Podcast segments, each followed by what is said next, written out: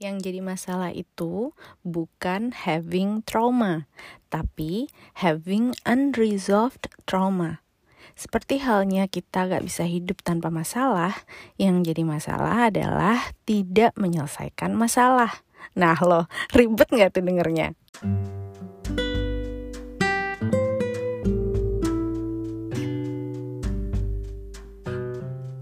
Halo semuanya, selamat datang di Silent Supernova with Ima. Saya Ima, dan di podcast ini saya akan berbagi tentang pembelajaran, pemikiran, pencerahan, dan renungan-renungan di dalam healing journey saya.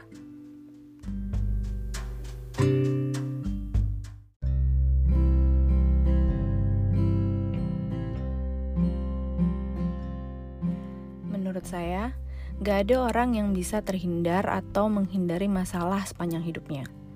Karena kita hidup bersama makhluk lain yang berbeda, baik dari segi fisik maupun karakteristik. Nah, perbedaan inilah yang akan menimbulkan gesekan dan masalah. Jadi, seluruh hidup kita itu adalah untuk membuat pilihan-pilihan baik yang bisa jadi solusi untuk berbagai gesekan dan masalah dalam hidup. Sama halnya dengan trauma Gak ada orang yang bisa terhindar atau menghindari luka batin atau trauma sepanjang hidupnya.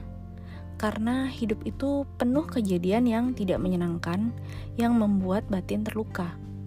Hidup itu penuh dengan ketidakpastian, interupsi yang jadi ancaman, dan perubahan mendadak yang menyebabkan kecemasan atau bahkan bahaya. Apalagi kalau menyangkut hal-hal yang di luar kendali kita sebagai manusia seperti kematian, perpisahan, eh, pengkhianatan, kekurangan, ketidakpedulian, keteledoran, bencana, tragedi, dan lain-lain sebagainya.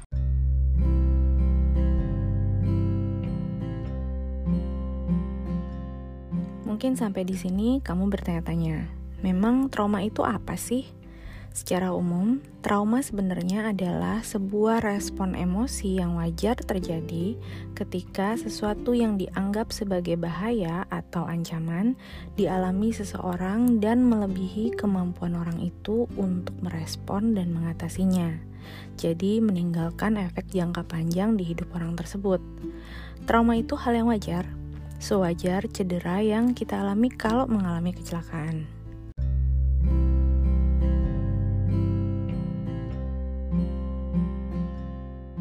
Trauma bisa terjadi dalam sekali waktu, seperti peristiwa kecelakaan, bencana alam, kehilangan orang yang dekat atau orang yang kita kasihi, atau menyaksikan peristiwa yang menyedihkan atau mengganggu secara emosional. Tapi, trauma juga bisa terjadi dalam waktu yang lama, berulang-ulang, disebabkan oleh orang terdekat seperti keluarga atau pengasuh dan terjadi dalam berbagai bentuk peristiwa traumatis. Ini yang biasa disebut sebagai kompleks trauma. Trauma jenis ini terjadi sejak masa awal kehidupan seseorang, sehingga mempengaruhi berbagai aspek tumbuh kembangnya secara psikologis, yang kemudian juga berdampak pada fisiknya. Misalnya, menerima pola asuh dengan ajaran dan pemahaman yang keliru kekerasan dalam rumah tangga, menyaksikan orang tua yang sering bertengkar atau sering berselisih paham, dan kekerasan terhadap anak atau yang sering kita sebut sebagai child abuse dan neglect. Nah, child abuse ini adalah kekerasan terhadap fisik dan emosional anak, kekerasan seksual, dan bentuk-bentuk penelantaran atau pengabaian terhadap anak. Pada kasus child abuse tertentu, kondisi psikis dan fisik anak bisa terganggu secara bersamaan. Contohnya, anak yang sering dipukul orang tua atau pengasuhnya, lalu anak itu tumbuh menjadi anak yang tidak percaya diri dan mengalami gangguan motorik di tangannya, misalnya.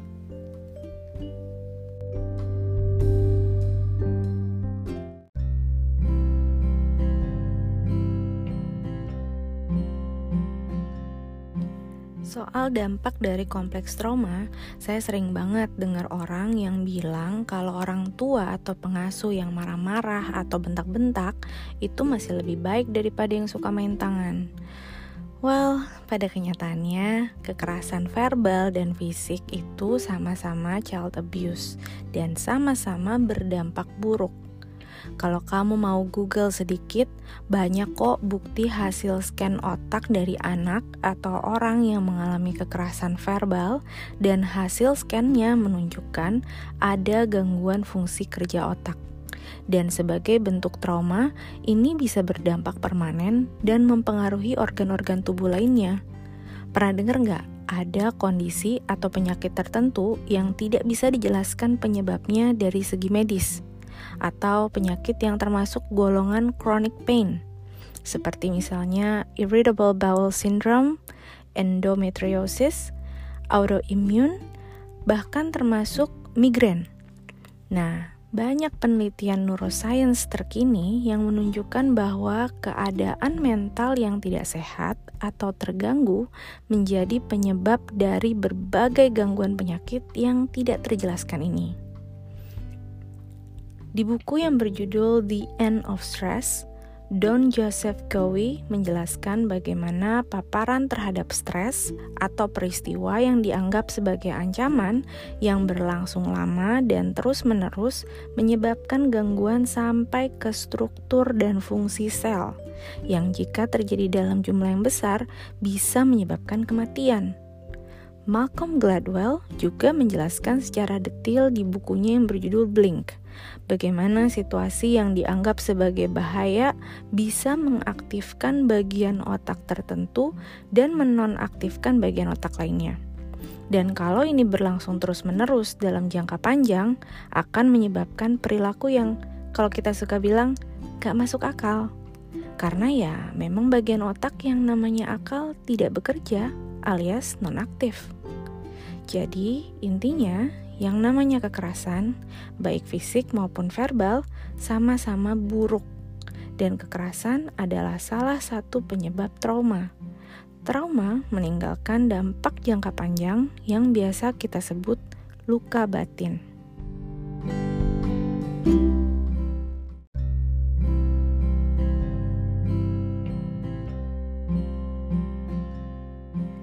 Dan yang patut dicatat juga adalah apa yang menjadi trauma bagi sebagian orang belum tentu menjadi trauma bagi sebagian yang lain. Jadi, kalau ada peristiwa yang ada di dalam daftar contoh trauma, kamu pernah mengalaminya dan kamu mampu melewatinya dengan baik tanpa meninggalkan luka batin, bukan berarti hal yang sama berlaku pada orang lain. Begitu juga sebaliknya, hal yang mampu dilewati orang lain dengan baik bisa aja jadi peristiwa traumatis buat kamu. Jadi, hal terbaik yang bisa kita lakukan adalah memahami bahwa trauma bersifat personal dan bisa dialami dan dimaknai berbeda di beda orang, termasuk dampaknya pada kakak beradik atau orang tua dan anaknya juga bisa berbeda.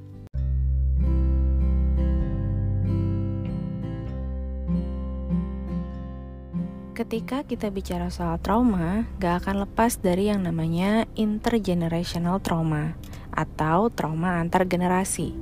Ketika saya menghadapi trauma pribadi, saya juga menghadapi trauma antar generasi pada saat yang bersamaan. Ketika saya mencoba untuk merunut ke generasi-generasi sebelum saya, semuanya jadi masuk akal. Saya mewarisi trauma dari generasi orang tua saya yang dibesarkan oleh orang tuanya yang juga punya luka batinnya sendiri, yang hidup di dalam lingkungan yang traumatis. Dari mana trauma mereka berasal? Tentu juga diturunkan oleh orang tua mereka dari lingkungan dan zamannya masing-masing. Contohnya, isu gender adalah salah satu trauma besar yang saya alami Trauma ini saya warisi dari orang tua saya yang punya luka batinnya masing-masing karena mereka dibesarkan oleh orang tuanya yang hidup di zaman feodal. Di zaman kolonial ketika R.A. Kartini beserta pahlawan perempuan lainnya harus berjuang untuk kaumnya. Boro-boro mengusahakan kesetaraan hak untuk bisa baca tulis aja mereka harus berjuang hidup di dalam penindasan, bahkan di rumah mereka sendiri, adalah trauma sistemik yang tidak sepenuhnya salah mereka sendiri. Ditambah dengan faktor-faktor lainnya seperti self-awareness, critical thinking, kepercayaan pribadi, dan lain-lain. It only makes sense if they carried that trauma through generations until it got to me. Pertanyaannya adalah, bagaimana jika salah satu orang dari generasi sebelum saya menjadi trauma breaker? I was thinking maybe I would be living a happier life. Or would I? Gak jaminan juga sih bagi saya aja masih ada trauma-trauma lainnya yang harus saya sembuhkan, baik yang sifatnya antar generasi maupun dari generasi saya sendiri. Yang kalau dipikir-pikir ya warisan juga ya. What I'm saying is, even if sebuah generasi bisa menyembuhkan luka batin, katakanlah hasil dari sekian ratus tahun penjajahan, tidak berarti generasi berikutnya akan hidup bebas dari luka batin akan selalu ada kejadian yang menyebabkan trauma terjadi. Contoh lagi, trauma sebagai akibat pandemik COVID-19. Kematian lebih dari satu anggota keluarga pada waktu yang berdekatan atau bahkan bersamaan tidak menyisakan ruang untuk berduka dan pulih dari kedukaan, langsung disusul dengan berita buruk lainnya ditambah dengan aturan karantina atau isolasi yang membuat kita semakin merasa terputus dari dunia luar, merasa sendiri, dan membuat kedukaan dan shock yang terjadi sebelumnya bertahan lebih lama. Dan ini traumatis. Ini menorehkan luka batin yang mendalam bagi sebagian orang yang mengalami. Ini bukan luka batin warisan, tapi bisa jadi luka batin baru yang akan diwariskan ke generasi masa depan jika tidak disembuhkan.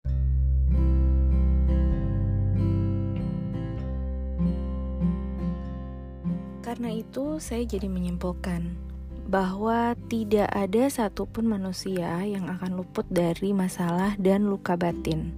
Dan pembicaraan tentang kesehatan mental itu bukan untuk mencapai keadaan steril dari luka batin, tapi untuk menyembuhkan luka batin supaya tidak berkepanjangan sampai menurunkan kualitas hidup seseorang, apalagi sampai menularkan dan melukai orang lain.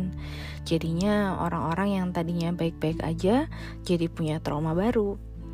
Di salah satu sesi mental health di Clubhouse, Dr. Nima Rahmani pernah bilang, "The goal of healing is not to be triggerless, but to be trigger proof."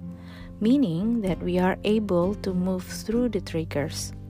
Tujuan menyembuhkan luka batin itu bukan untuk hidup suci, tapi untuk memampukan diri melewati masalah dan trauma-trauma yang sudah, sedang, dan pasti akan terjadi sepanjang hidup kita.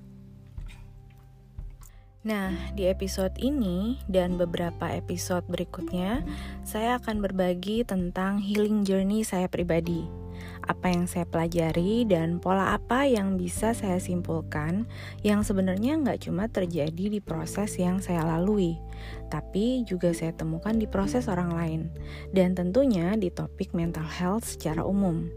Ada beberapa hal yang menurut saya cukup besar dan pasti dialami oleh manusia.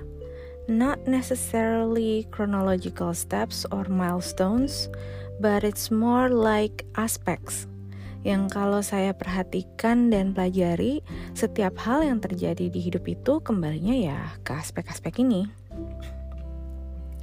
Jadi, kalau kamu sedang dalam proses penyembuhan luka batin, saya berharap apa yang saya bagikan bisa menjadi semacam cheat sheet atau contekan. Kira-kira apa sih inti dari semua usaha ini? Dan buat para orang tua muda, walaupun ini bukan sesi parenting, tapi saya juga seorang anak. Saya berharap apa yang saya bagikan juga bisa berguna. Mungkin jadi catatan tentang apa-apa yang perlu diperhatikan dalam membesarkan jiwa-jiwa suci ini yang akan memimpin kehidupan di masa depan. Dan buat kamu yang mungkin merasa sehat-sehat aja kok secara mental, semoga ini bisa jadi bahan refleksi dan evaluasi diri. Mana tahu ada kualitas diri yang bisa lebih ditingkatkan supaya kualitas hidup juga lebih baik. Tapi disclaimer dulu ya. Apa yang akan saya bagikan adalah kombinasi dari pendidikan formal, pengalaman kerja, serta pengalaman hidup dengan kompleks trauma, anxiety, dan depression. Lalu pengalaman dan pembelajaran selama proses healing dari berbagai ahli dan pakar di bidang psikologi, psikiatri, neuroscience, spirituality, dan tentunya agama. Saya juga banyak membaca buku, paper, dan artikel tentang topik-topik yang tadi saya sebutkan. Juga yang tak kalah penting, pembelajaran yang saya dapat dari teman-teman atau orang-orang yang aktif menyuarakan topik kesehatan mental dan punya keberanian untuk tampil apa adanya di tengah-tengah perjuangan mereka menyembuhkan luka batin yang sama sekali tidak mudah.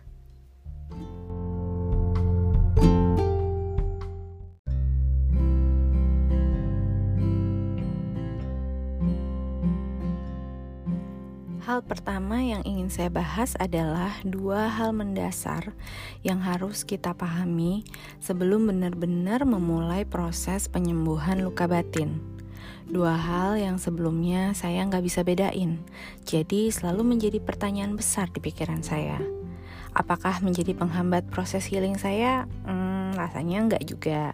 Cuma ibarat jalan ya, tetap terasa grunjil-grunjil gitu ya. Nggak semulus jalan tol yang aspalnya halus gitu dan bikin enak ngebut. Jadi menurut saya penting juga punya pemahaman ini supaya proses yang kita jalani bisa lebih mulus dan terfokus. Dua hal mendasar itu adalah healing dan coping apa persamaan dan perbedaannya, dan bagaimana mengetahui keduanya bisa membantu kita untuk lebih memaknai proses kita sendiri. Stay with me. In a nutshell, Coping adalah apa yang kita lakukan dalam menghadapi dan menangani symptoms atau kejadian-kejadian yang menyangkut isu mental health yang kita alami. Kejadian-kejadian itu bisa berupa ekspresi emosi, sensasi di tubuh, atau hal-hal lain yang kita alami yang tidak bisa dirasionalisasikan. Coping tidak menyasar pada inti luka batin, penyebabnya, dan penyembuhan luka itu sendiri, tapi lebih ke arah strategi atau cara yang bisa kita lakukan agar bisa menjalani kehidupan sehari-hari di tengah gejala-gejala tersebut. Misalnya, apa yang bisa kita lakukan ketika terjadi serangan panik atau panic attack? Grounding teknik apa aja yang bisa kita lakukan sesuai dengan kondisi dan kenyamanan kita? Atau apa yang bisa kita lakukan ketika stres mulai mengarah ke negatif? supaya kita bisa tidur nyenyak di malam hari tanpa merasa tertekan dan cemas yang berlebihan atau apa aja yang bisa kita lakukan untuk self-care dan menjaga kesehatan mental kita tetap baik dalam kehidupan sehari-hari yang penuh tekanan.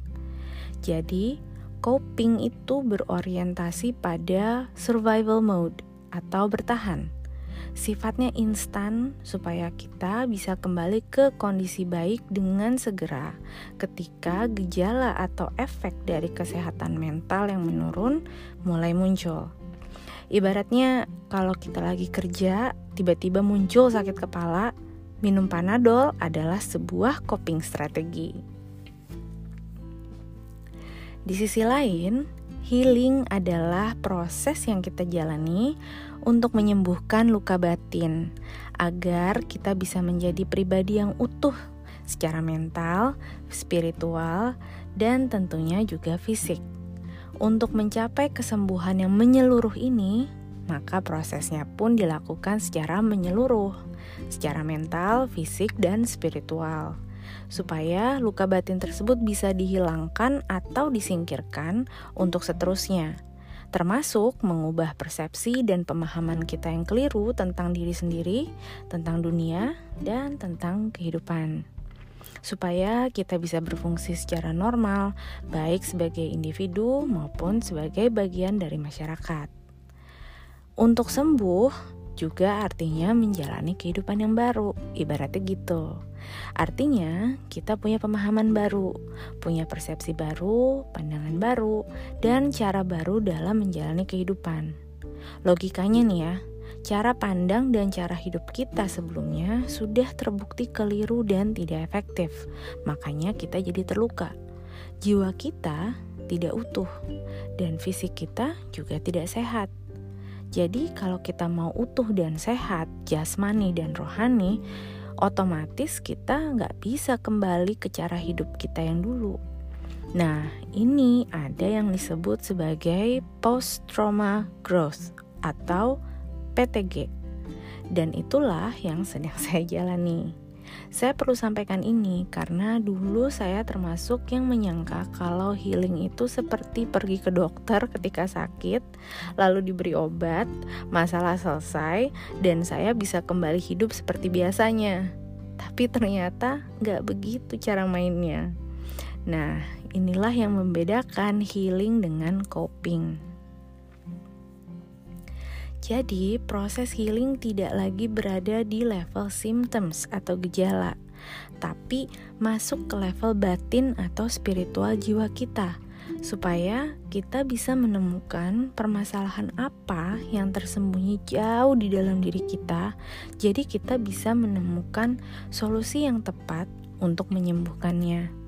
Ketika kita healing, kita mentransformasikan diri, mengubah diri kita, tidak hanya supaya bisa bertahan dalam hidup. Healing itu berorientasi pada thriving, berkembang. Tujuannya untuk bisa sembuh menjadi utuh dan mampu menghadapi dan menangani masalah dan luka batin yang akan terjadi, dan berkembang sesuai dengan potensi yang kita miliki. Ibaratnya, kalau kita mau menyembuhkan sakit kepala tadi, maka kita akan konsul ke internis atau ke dokter syaraf untuk diteliti lebih lanjut penyebabnya. Apakah ada gangguan pada fungsi otak atau gangguan darah atau seperti kata dokter syaraf saya dulu sambil senyum-senyum katanya kamu nggak kenapa-kenapa cuma stres Dari situ, lalu kita mengubah gaya hidup kita agar sakit kepala tadi nggak muncul lagi.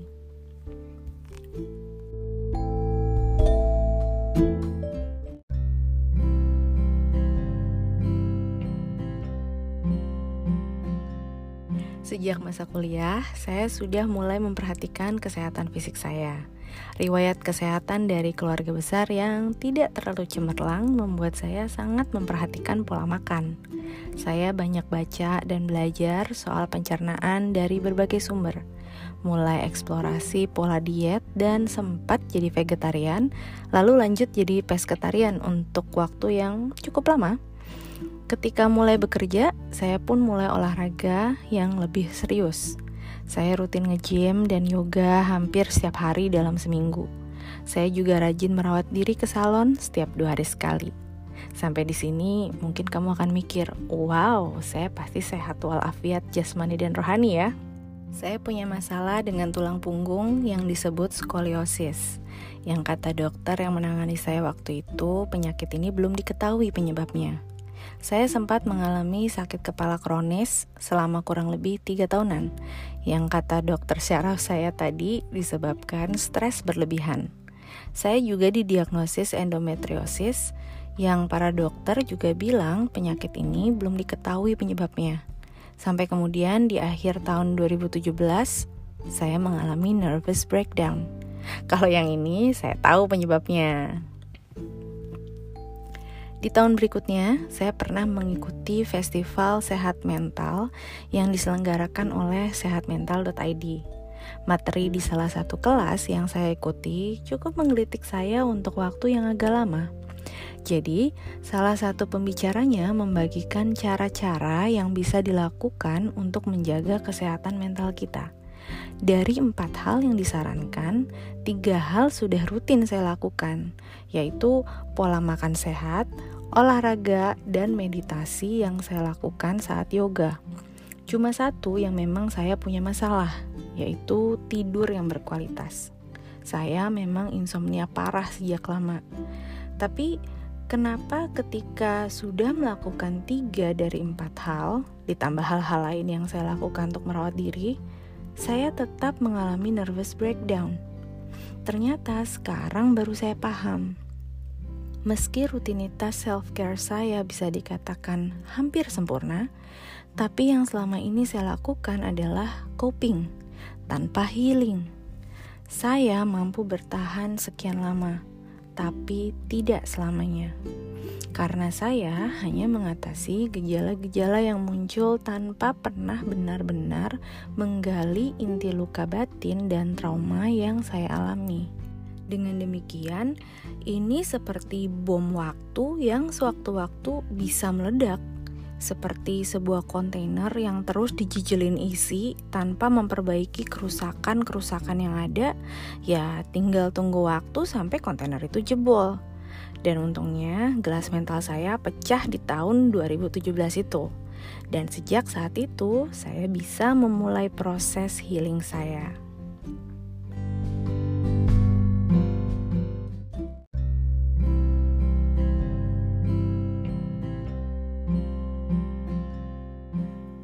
Tentu saya mengharapkan orang lain tidak sampai berada di titik yang saya alami itu. Saya harap kamu yang lagi dengerin saya sekarang bisa segera mengidentifikasi di area mana kamu berada. Apakah kamu healing atau hanya coping?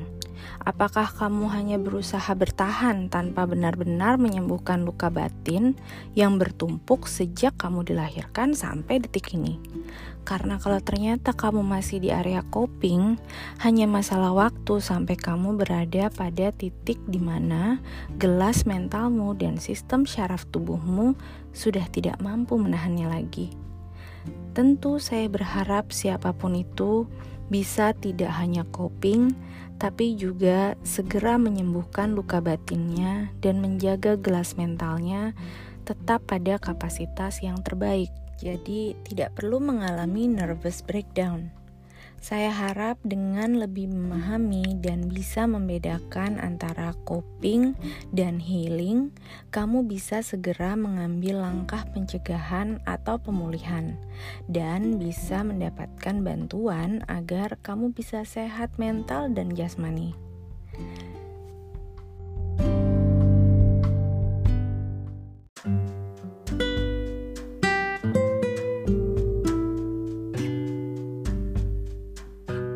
Episode berikutnya, saya akan mulai berbagi aspek-aspek apa aja yang menjadi pola dalam proses healing yang saya temukan. Semoga apa yang saya bagikan ini bisa bermanfaat bagi semesta kamu, sebagaimana telah bermanfaat bagi semesta saya. Silahkan tinggalkan komentar atau jika kamu ingin berbagi dengan saya, bisa email saya di irma.mirta@gmail.com atau DM saya di Instagram @irmamirtaa atau di Twitter saya @irmamirta. Sampai jumpa di episode berikutnya. Bye.